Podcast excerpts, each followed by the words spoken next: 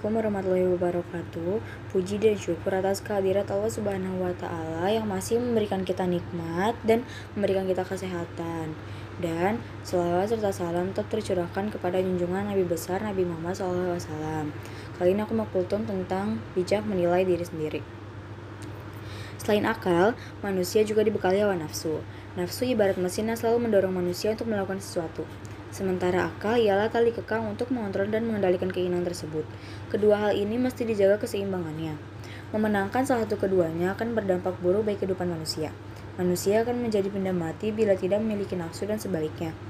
Dia dapat berubah menjadi mesin penghancur jika akal sudah hilang dalam dirinya. Menjinakkan nafsu tentu bukan pekerjaan ringan. Ia lebih sulit dibandingkan mengendalikan kuda liar.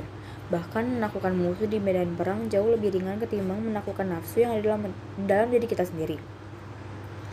Untuk menuju proses keseimbangan tersebut, perlu dilakukan penilaian, evaluasi, dan koreksi atas diri sendiri.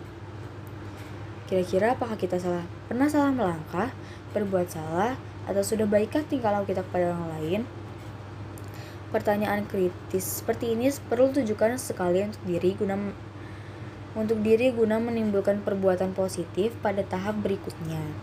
Dalam proses introspeksi diri, seseorang juga mesti adil terhadap dirinya. Hal ini sama ketika mengintrospeksi dan mengadili orang lain. Harus adil dan tidak boleh dan tidak boleh berat sebelah. Seseorang juga tidak boleh berlebih-lebihan dalam memuja kebaikan yang pernah dilakukannya, dan dia juga tidak boleh menganggap dirinya makhluk paling hina, buruk, dan jelek karena pernah melakukan kesalahan. Setiap manusia tentu tentu tidak ada yang sempurna dan tidak ada pula manusia yang sepanjang detik, menit dan hari mengerjakan maksiat. Sudah dimaklumi bahwa perjalanan kehidupan manusia selalu diwarnai dengan sifat baik dan buruk. Sebab itu, jangan berlebihan menilai diri. Apa pun hasil evaluasi tersebut harus diterima harus diterima dengan lapang dada supaya menimbulkan perubahan yang positif. Terima kasih, semoga bermanfaat. Wassalamualaikum warahmatullahi wabarakatuh.